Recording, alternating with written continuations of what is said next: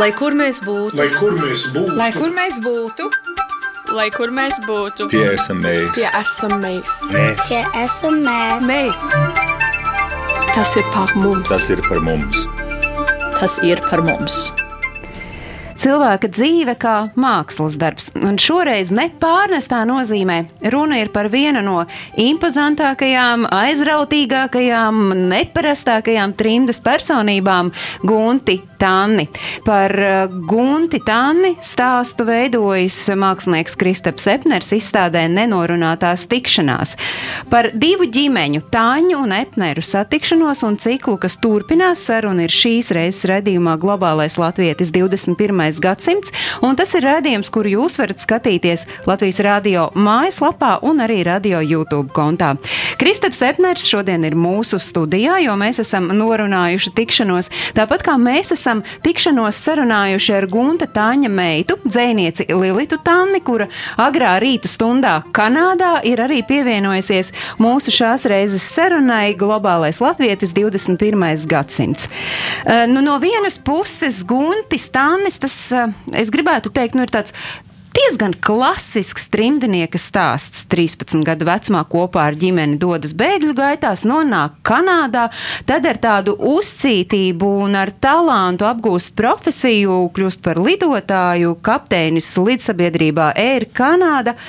Nu, tik tālu es atļaušos teikt, ka šādu trimdas pieredzes stāstu ir gana daudz, bet uh, sakot, ka Guntis ir bijusi spilgta personība, laikam būs Lilita nepateikt pilnīgi neko. Es teiktu, savā ziņā, ka viņš nav sevišķi tipisks kanādiešu latvietis. Mēs kādreiz kā pasmējamies, ka latviešu vīrieši ir uh, bieži vien inženieri, advokāti, viņi ir tādi konservatīvi un klusāki cilvēki. Mans tēvs bija ļoti dzīves, priecīgs, ļoti pozitīvs cilvēks, un viņš bija lidotājs. Viņš bija viens no vienīgajiem lidotājiem.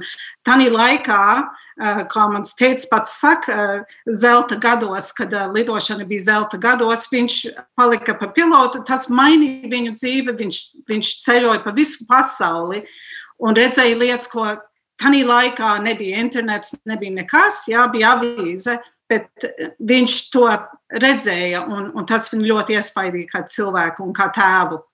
Kāds viņš bija kā tētis, kādu jūs viņu atceraties, kāds viņš bija ģimenē, saprotot arī, ka ļoti daudz no ģimenes dzīvē atvēlētā laika patiesībā paņēma darbs? Lidotājiem ir tāda sajūta, ka tie lidotāji visu laiku ir prom. Jā, viņi prom kādreiz 3-4 dienas Eiropā, bet tad, kad viņi ir mājā, tad viņi īstenībā ir mājā trīs dienas uh, visu laiku. Un tā es nekad nejūtu, ka viņš nav mājā. Kad viņš, jo, kad viņš bija mājā, tad viņš tiešām bija mājā. Viņš ir uh, ļoti priecīgs cilvēks. Viņam patīk daudzīties un izsmieties un pārunāt dzīvi. Mēs sēdējām pie galda un vienmēr mums bija milzīgas pārunas un strīdi. Es ar savu tēvu daudz strīdējos. Es Par ko jūs strīdējāties? Sakiet? Lielākoties par to, ka es nu, ar 13 gadiem, jā, tā kā jauna feminista meitene, un viņš ir pilots tanīs gados, saprotiet? pilnīgi starpība, un mēs kādreiz par tādām lietām nu, strīdējamies, bet nekad tā, ka mums nekad nebija tāda strīda vispār ģimenē, kur, kur, uh, kas neiet un neaizmirst vienā minūtē vai piecās minūtēs, nu vismaz vienā dienā. Jūsu tētis ir bijis arī labs orators, un jūs kādā intervijā arī par savu tēti esat teikusi, ka viņam ir bijušas visādas idejas. Viņš arī ir bijis fizisks darītājs, un viņš ir arī spējis motivēt cilvēkus darīt kopā ar sevi fiziskus darbus. Viņš prata panākt to, ka cilvēki nāk palīgā pārbūvēt šķūni, pārbūvēt māju, jumtus, nometnes telpas un izbūvēt visdažādākās aizraujošākās lietas dabas īpašumā ārpus Toronto. Tas bija Latviešu baznīcas draudzes īpašums Saulaine. Kas ir Saulaine? Saulaine ir uh, Svētā Jāņa baznīcas uh, latviešu uh, locekļu dabas izpriecas vieta. Un, uh, un tur ir bijuši nometnes. Šogad ir 70. gads, uh, tas pastāv. Un, uh, ir bijuši nometnes, bērnu nometnes, ir bijuši visādi pasākumi. Mums ir bijuši tādi uh, rudensvēki, tagad gadiem ilgi, kas ir viena ar mākslinieku izstādes. Un uh, satikšanās, balles, šķūnī, Jāņa svinēšana, vis, visādas tādas lietas. Nu, un saulēnē saistība ar jūsu tēti, ar Gunti Tanni, ir kāda? Nu, viņš bija galvenais kā, padoms, tāds pārvaldnieks, tanī, kāds 30 gadus. Viņš vadīja visus tos būvdarbus, viņš veicināja visādus darbus un mudināja cilvēkus. Un, uh, viņš bija tas galvenais, es teiktu, cilējs kopā ļoti, ļoti daudziem toreiz uh, visādiem draugiem un, un baznīcas locekļiem un dabas mīlētājiem, uh, latviešiem. Kādu jūs pati savu bērnību atceraties saistībā arī ar saulaini un vispār ar latviešu sabiedrību? Nu, cik daudz tāda jūsu ikdiena pagāja uh, Kanādas sabiedrībā un cik daudz latviešu? Mēs ļoti daudz darījām tanīs gados. Jā, mana vecāka, visu viņa paudze, jā, viņi ved mūs uz latviešu skolu katru sestdienu. Viņi uh, ved mūs uz svētdienas skolu katru svētdienu nometnēs gājām katru vasaru, jā, kad varējām, jo tas bija tāda domāta, ka tāda latviskā pote, kā mēs kādreiz sakam, lai tā valoda iet ģimenē. Mēs arī kā ģimene vienmēr runājam latviski. Bet eh, runājot par saulaini, tad es saprotu, saulainai bija ļoti svarīga loma gan jūsu tēta gunta dzīvē, gan es saprotu arī jūsu dzīve bez tās nav iedomājama. Un joprojām arī šā brīža Kanādas latviešu sabiedrībai saulaine, nu tas ir tā, tā ir tāda latviskā vieta, latviskā vide.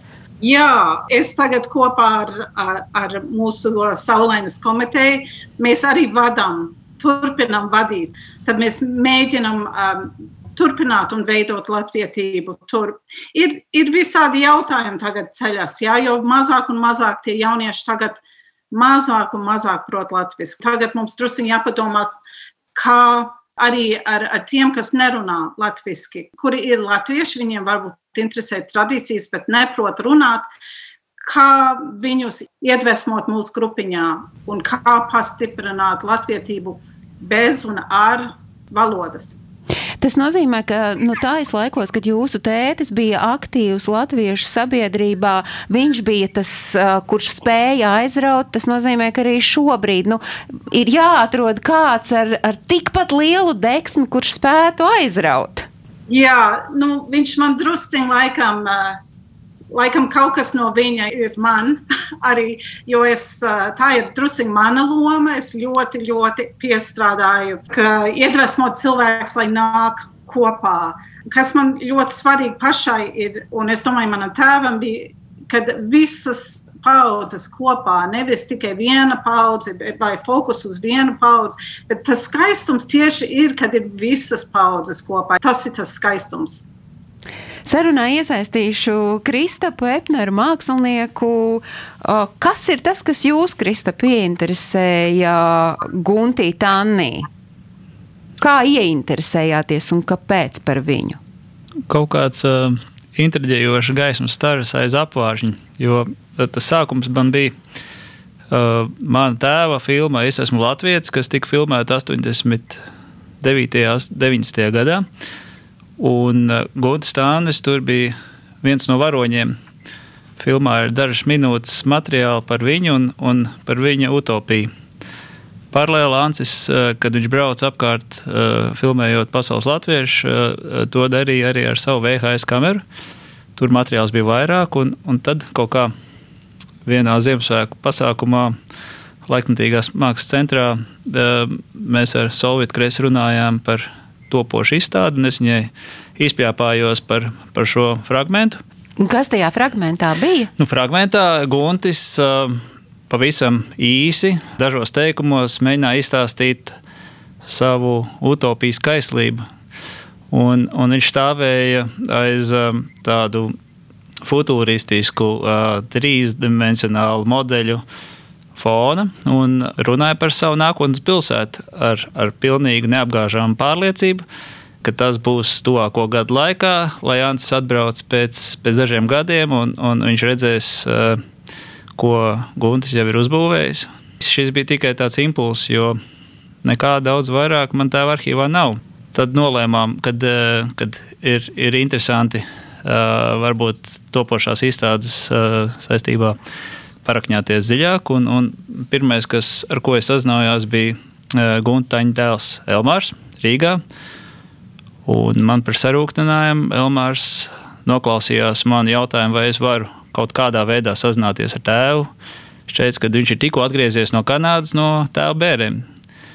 Un tas nu, Epneriem laikam ir raksturīgi neapstāties uzreiz pie pirmā šķēršļa. Es teicu, vai es drīkstu sazināties ar Līlitu. Un Elmārs deva man tādu atļauju, sazinājos ar Līlitu. Līlita man laipni uzklausīja un, un drīz arī pieņēma. Es aizbraucu vienā ekskursijā uz, uz Toronto laikam pēc gada vai pēc pusgada es braucu jau pa īstam, ar, ar saprastams vairāk, ko es e, varu un ko es gribu tur atrast. Un tā tad ir milzīgs, milzīgs gūta e, arhīvs, kas sastāv no dienas grāmatām, skicēm, zīmējumiem, rasējumiem. Man izdevās arī satikt uh, viņa cīņu biedrus, jā, tādu viņam bija daudzi. Es satiku dažus. Tātad viņš pie savas utopijas pats Gunts nebija klasiskā izpratnē mākslinieks vai arhitekts. Ja? Viņš bija vizionārs, viņam bija tā vīzija, vīzija ideja. lielā ideja, kuru viņš nemitīgi attīstīja, nemitīgi pārveidoja. Faktiski tie ir kaut kādi 30 gadi. Un, un skaidrs, ka kad mainoties laikam, mainījās arī viņa domas, un, un tas utopijas sākotnējais dīglis apauga par tādu milzu megapolisu ar, ar dažādos virzienos un, un, un um, piesātināts ar ļoti dažām, dažādām idejām. Te laikam uh, ir uh, mums gan skatītājiem, gan klausītājiem uh, jāpaskaidro, ka šķiet tas, ko piemin Kristaps, tātad vārds utopija ir tas, kas eh, ļauj mums par Gunti Tāni runāt kā par eh, vienu no aizrautīgākajām un neparastākajām personībām. Lilita, kas ir utopija un kas ir šīs utopijas pamatā? Saulainas dabas eh, īpašums ir ļoti, ļoti tuvu tādai ma mazai, mazai ciematiņai nosaukumā Utopija. Un, uh, man liekas, manam tētim tas arī bija tāds inspirējošs, tāda inspirējoša uh, lieta. Un, uh, es nezinu, kaut kad manam tēvam ar 40 gadiem viņš sāk domāt par utopijas tādu veidošanu. Nu, tas bija arī tādi laiki, ja atceraties, mums bija Expo 67 uh, Kanādā, mums bija Pierre Trudeau kā premjerministrs. Uh, un, un, uh, un bija visādas tādas lielākas, globālākas uh, idejas sāk veidoties.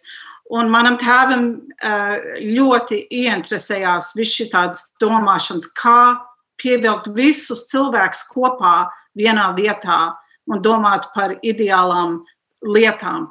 Tātad šeit nav, tā nav nu, tikai tāda vārdu spēle, bet patiesībā vieta, Kristap, esat bijis utopijā, īstajā, un kā jūs varētu noraksturot, kas tad ir tā gunta taņa utopija? Zinām, ar to vārdu spēli īstenībā ir arī vārdu spēle. Uh, jā, brīnišķīgs ir stāsts par mazu, mazu ciematiņu, kas saucās patiešām utopija. Īstenībā utopijas pasaulē ir vairākas, ir arī Amerikā vairākas. Tā kā ir tāda vieta, Bet tāpat laikā pats Guntis uh, lietoja, viņam tie nosaukumi laika gaitā attīstījās, bija dažādi, bet viņš lietoja tādu vārdu savirknējumu kā utopija, no here. Ja saliek kopā no here, sanāk nowhere. Tātad utopijas nav, nav ne, neeksistējoši. Un, ja viņus atdala, tad, tad, tad, tad sanāk šeit. šeit un tagad. Jā. Tā kā ir arī vārdspēle, un, un tas ļoti labi iet kopā ar, arī ar to, ka, kad uh, Guntim fiziski neizdevās realizēt savu sapni par utopiju, bet viņa tāpat laikā ir, ja, un tās idejas ir. Un ir milzīgs, interesants materiāls, un ir cilvēki, kas, kas tam ir veltījuši savu laiku un, un, un savu radošo enerģiju. Es klausot labi, ideja par pilsētu par uh, utopiju, ar ko tā pilsēta varētu sākties. Un kā jūs, uh, cik jums bija to laika gadu, un kā jūs uz to skatījāties? Es saprotu, ka es uzdevu vismaz piecus jautājumus vienā, bet es ceru, ka nu, jūs atbildēsiet. Man liekas, man bija kādi nu, 13, vai 14, 15 gadi.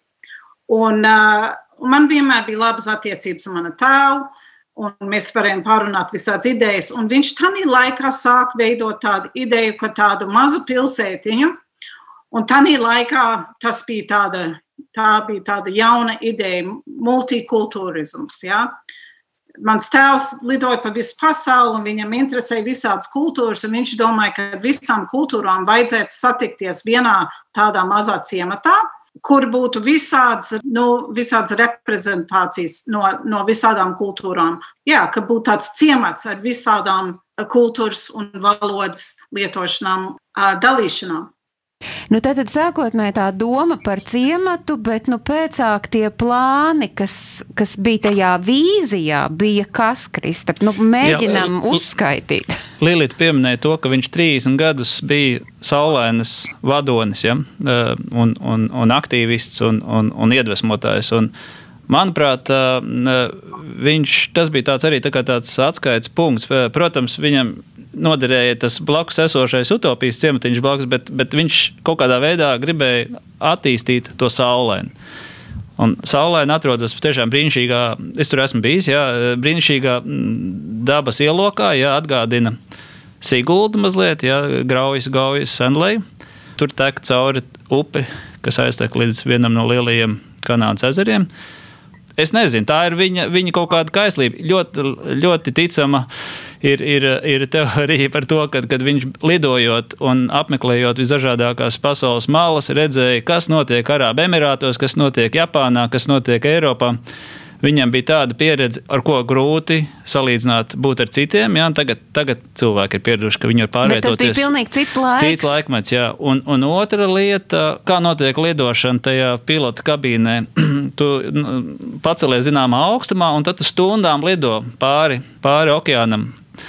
Un daudz jau nekas nav jādara. Viņš skatījās uz to zemi no augšas, Un, un tur jau skaidrā laikā var visu ļoti labi redzēt, un, un, un viss taču ir iespējams. Tas ir tā kā, tā kā uz plaukstas, ja mēs, mēs skatāmies uz. uz un, Un es domāju, ka tās lielās idejas uh, viņam radās no tā mēroga, kad, uh, ka viņš nevis pa zemi staigāja un skatījās uz tām vietām, bet viņš lidoja pāri un redzēja citā, citā proporcijā to visu, kas ir apakšā.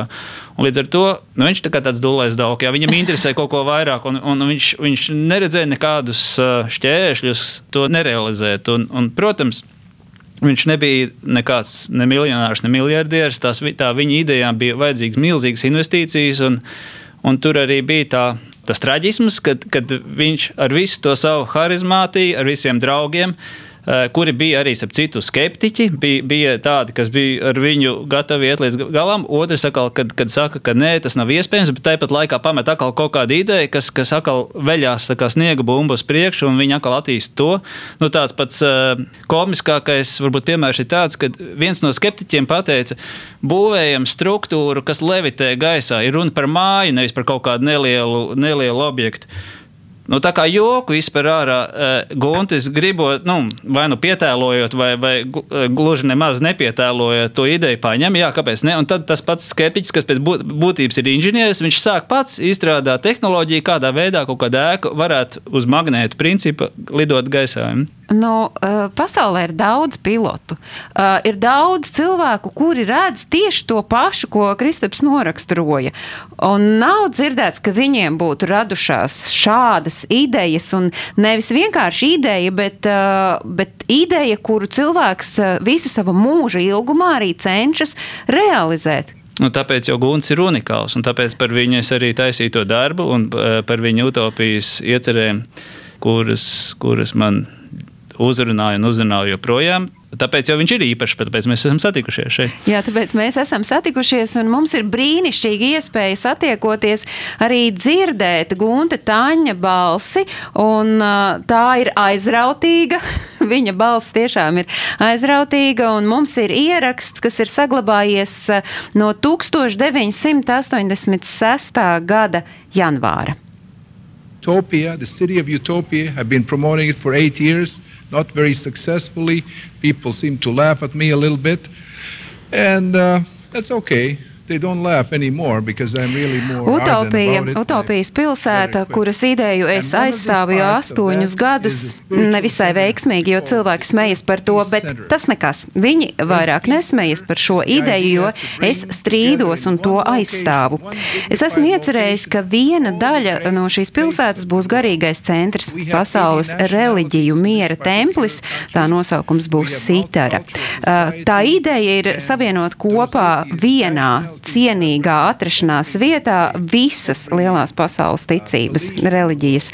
Mēs esam multikulturāla valsts, kurā dzīvo 18 nacionalitātes, un mums ir jārada visiem kopā šī vieta, kas būtu ideālā vieta, kur varētu veicināt mieru, tā sniegtu cerību. Ideja ir savienot to vienā vietā, un tā ir tā utopija. Šī vieta kopumā aizņemtu 55 jūdzes, un šeit garīgo mieru atrastu ik viens, kurš ir tolerants pret citādo, kurš respektē otru. Mēs varam sākt celt ēku mieram. Tas uh, ir Guntis Tannis. Tā viņš ir runājis uh, savu laiku, mēģinot aizstāvēt un pārliecināt uh, savu ideju. Kas ir tie cilvēki, kurus viņš uzrunāja? Nu, ne tikai šajā gadījumā, bet vispār. Lilita, kas bija tie cilvēki, kuriem viņš stāstīja, kuriem viņš aizstāvēja savu ideju? Viņš runāja, viņš mēģināja to ideju, teik, teiksim, pārdot visādiem ļoti bagātiem cilvēkiem Kanādā, biznesmeņiem. Ja? Un, uh, mans tēvs nav biznesmenis, un viņš tiešām nav. Viņš ir idejas cilvēks, un viņš ir drosmīgs cilvēks, un viņš ir fokus, viņam ir milzīgs fokus, un, un, un viņš ir ļoti strādīgs. Bet viņam nebija tāda biznesa pieeja. Viņam vispār nauda nav, nebija sevišķi svarīga. Viņam nauda tikai bija svarīga, lai kaut ko citu paveiktu, lai, lai darbu paveiktu. Bet, bet viņam bija arhitekti un draugi, kas arī viņi, ar viņu kopā strādāja. Uh, Norberts Sebris un uh, Ita Ozols un Ojārs Kalns, kas ir Vankūverā. Uh, viņi visi skicēja un palīdzēja domāt un, un tā tālāk. Bet es teiktu, ka Latviešu sabiedrība Toronto, konservatīvā Latviešu sabiedrība Toronto lielākoties uh, to neredzēja, ka, redzēja kā sapni. Bet viņš uzrunāja ne tikai vietējo latviešu sabiedrību, Kristap, vai ne? Viņš, nu, kā jau, kā jau tagad, jo mēs vairāk par Gunti Tanni klausāmies, jo mēs saprotam, ka ar to vien viņš ne, nepalika mierā. Šajā, šajā ziņā viņam arī nebija robeža. Viņš ir sūtījis vēstules. Tātad līdzinājais premjerministrs Kanādā. Pirms, pirms tam viņa tēvs bija premjerministrs Gunta laikā. Viņš sūtīja viņam. Viņš vēstules sūtījis arī tai pašai uh, Lielbritānijas uh, karalienei, kas ir, kas ir joprojām uh, Elizabetei. Viņš sūtījis daudziem, daudziem biznesmeņiem, uh, banķieriem. Viņam nebija problēma liftā satiekot kādu, sākt uzreiz runāt uh, par to utopiju, līdz ko viņš sajūt, ka viņam ir kaut kāda interese tam otram cilvēkam spīd acis. Tā viņš, viņš nākamajā dienā sūtīja viņam vēstules. Un, un, un, prezentēja savu ideju. Mums šobrīd fonā mēs redzam šīs gunta idejas, vai varam mazliet paraksturot, nu kas ir tas, ko mēs tur redzējām, tad šis ir, tas bija plānotais reliģija centrs? Visu to 30 gadu laikā Guntis attīstīja ideju pēc idejas. Tur nāca klāt, gāja prom. Sākās ar, ar mazo apsaulēni, pēc tam viņš gribēja peldošu tiltu, kas savienotu Kanādu ar Ameriku pāri Ontārio ezeram. Nav nekas utopisks. Ir peldoši tilti, viņam ir zinām, jau tā tehnoloģija bija zināma sen, un viņam bija pilnīgi uh, dzelžains finansiāls pamatojums, kāpēc tas būtu izdevīgi.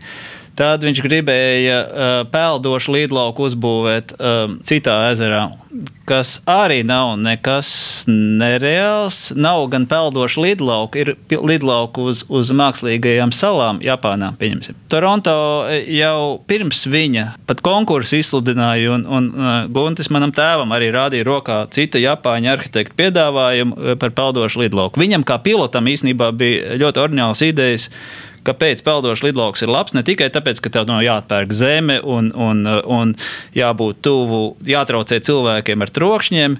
Pieņemsim, viņš bija iecerējis, ka tas lidlauks, kas sastāvētu no diviem ceļiem, ka viņš vēja, vēja laikā griestos lai nosēdinātu lidmašīnu, nedara sānu vējš. Tad lidlauks pats no, nogriežas tajā virzienā, kāds ir vajadzīgs lidmašīnai.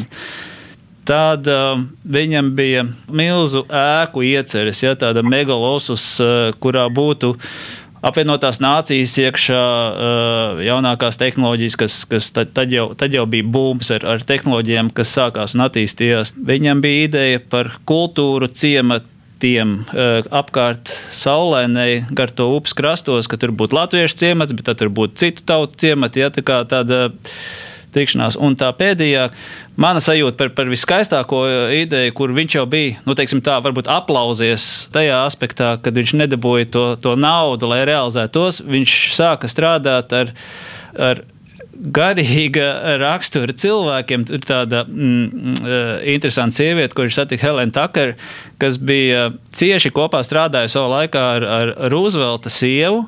Viņa bija tāda miera, miera kustības. Uh, aktīviste. Viņa bija bijusi arī Maskavā un, un Eiropā. Jo jāņem vērā fakts, ka tur vēl bija tā Kubas krīze, ja, un, un, un pasaule, modernā pasaule nonāca tādā bezdedimeņa malā.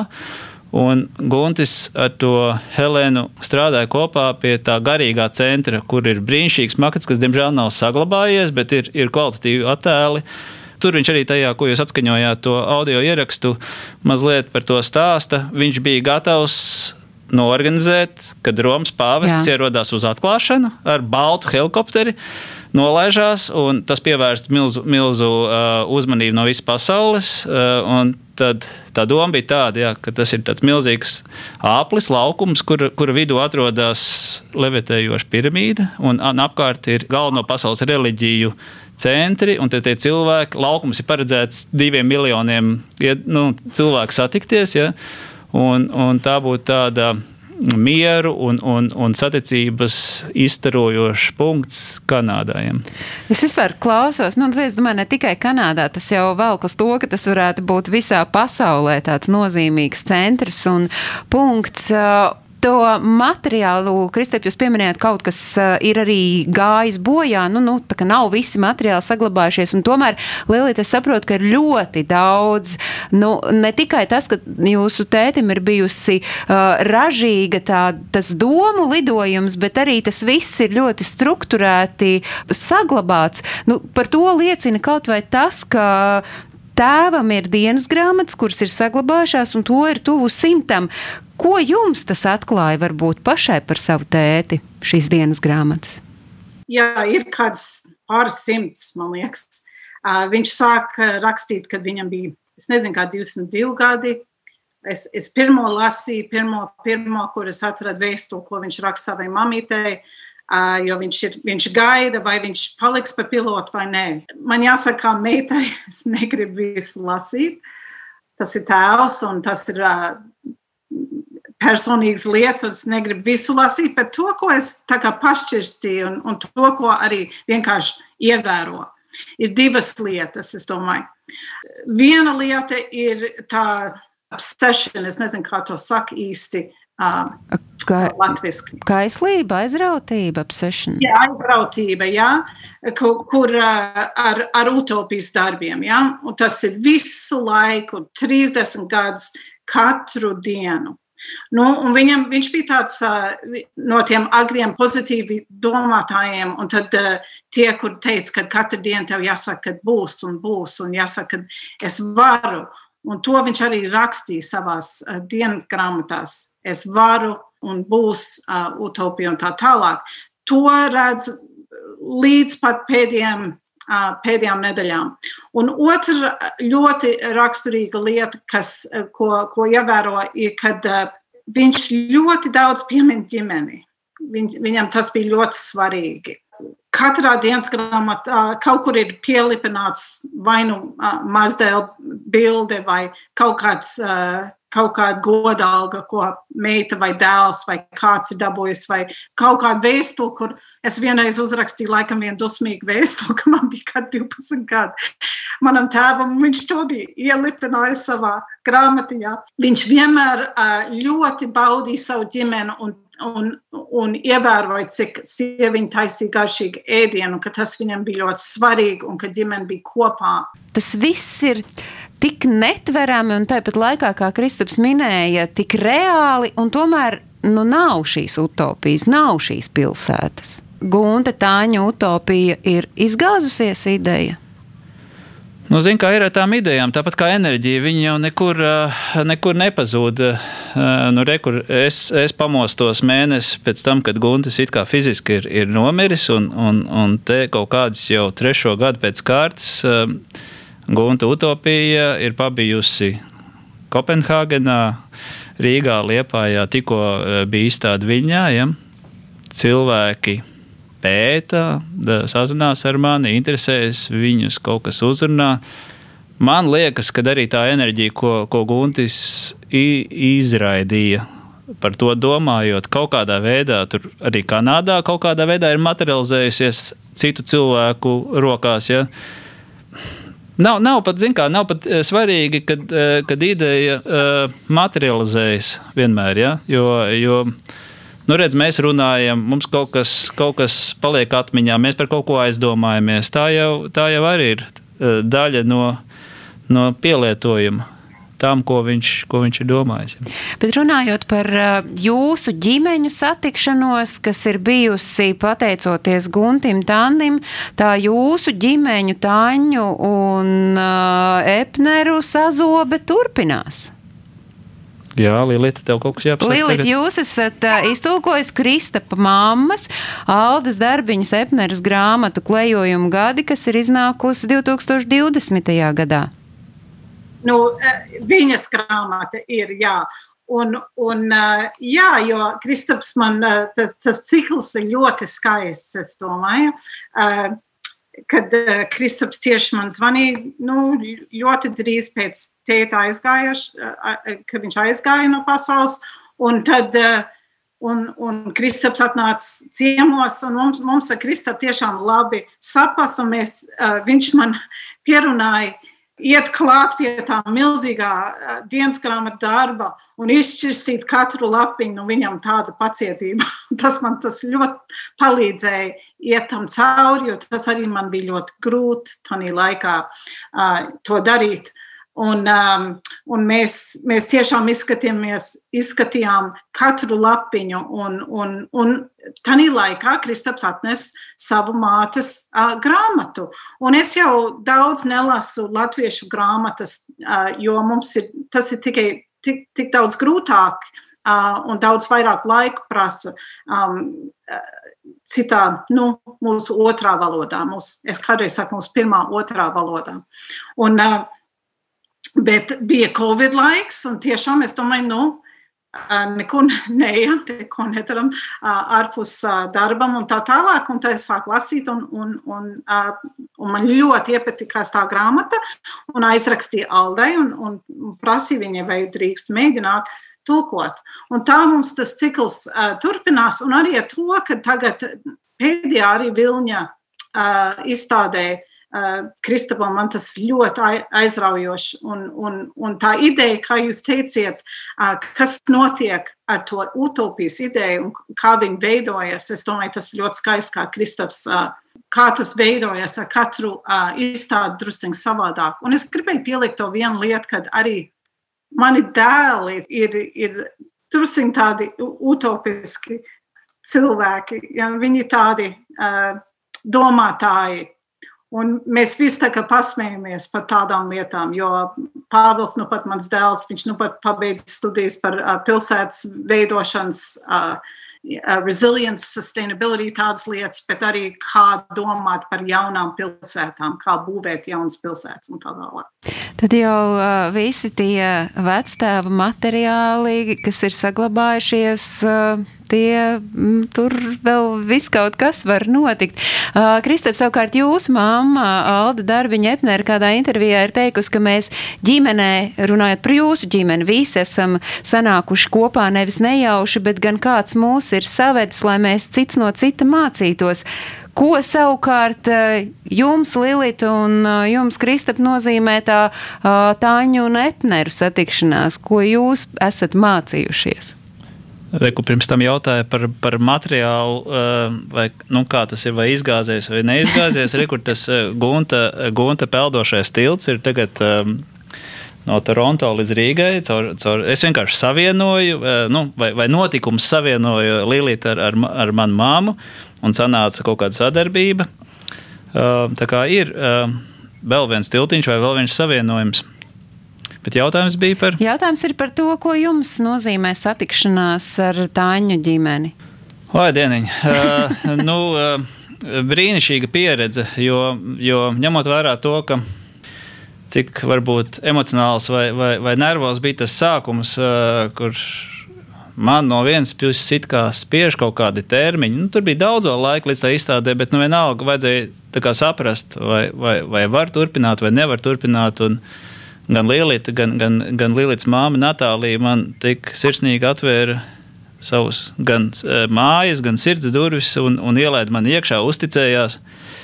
Mm, es par to esmu ļoti pateicīgs. Un, un, un manuprāt, es kaut ko spēju dot arī atpakaļ, jo, jo es atceros to Natālijas teikumu kaut kad kārtējo reizi man ēdinot. Ar, ar, ka, Kristap, kur tu biji agrāk? Guntis tā priecātos par tevi, ja tev satikties. Ja.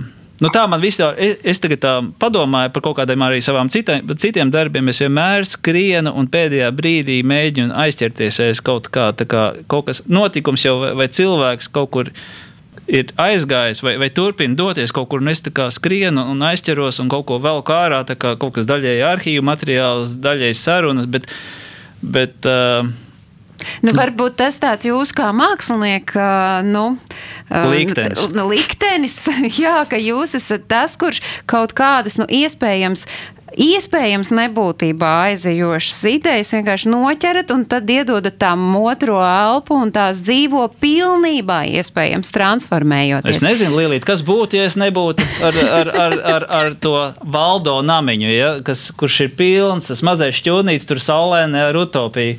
Kas tur būtu? ir bijis ļoti jauki ar, un, un, un ar visādām sarunām un pārunām. Man ar Kristapu mums uh, abiem, es domāju, bija līdzīgi tēvi. Nu, ne tik līdzīgi, bet bija arī līdzīgi tēvi. Uh, un, uh, un, un es domāju, par to mums bija daudz ko pārunāt, un, un, un mēs viens otru sapratām, saprotam. Un, uh, un vispār tikai tas ir tik skaisti, kad uh, nu, ar, tā, ar to mākslu tas, tas godina manu tēvu uh, darbus.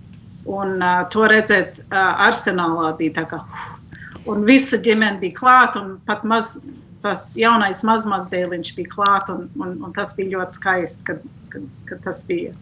Tas ir emocionāls notikums jums, jūsu ģimenei, Tāņu ģimenei, bet man liekas, ka uh, tas, ko mēs savukārt visi varam novērtēt, ka tas ir tāds ieguvums arī mums, uh, visai sabiedrībai, saprotot, ka tu vari sapņot, tu vari uh, mēģināt un censties realizēt vistrakākās idejas un katru dienu atgādināt to, ko Gunts Tānis ir, es saprotu, savās dienas grāmatās rakstījis, ka viss ir iespējams. Un šī satikšanās tikšanās arī bija iespējama pateicoties tam, ka jūs varējāt būt šai reizē kopā ar mums. Es saku paldies māksliniekam Kristapam Epneram un es saku paldies aizrautīgam trimdiniekam uh, Guntim Tannim par to, ka viņam ir tāda brīnišķīga meita uh, Lilita Tanne, kura patiesībā arī turpina tēva iesākto no vismaz tajā latviešu kopienā Kanādā.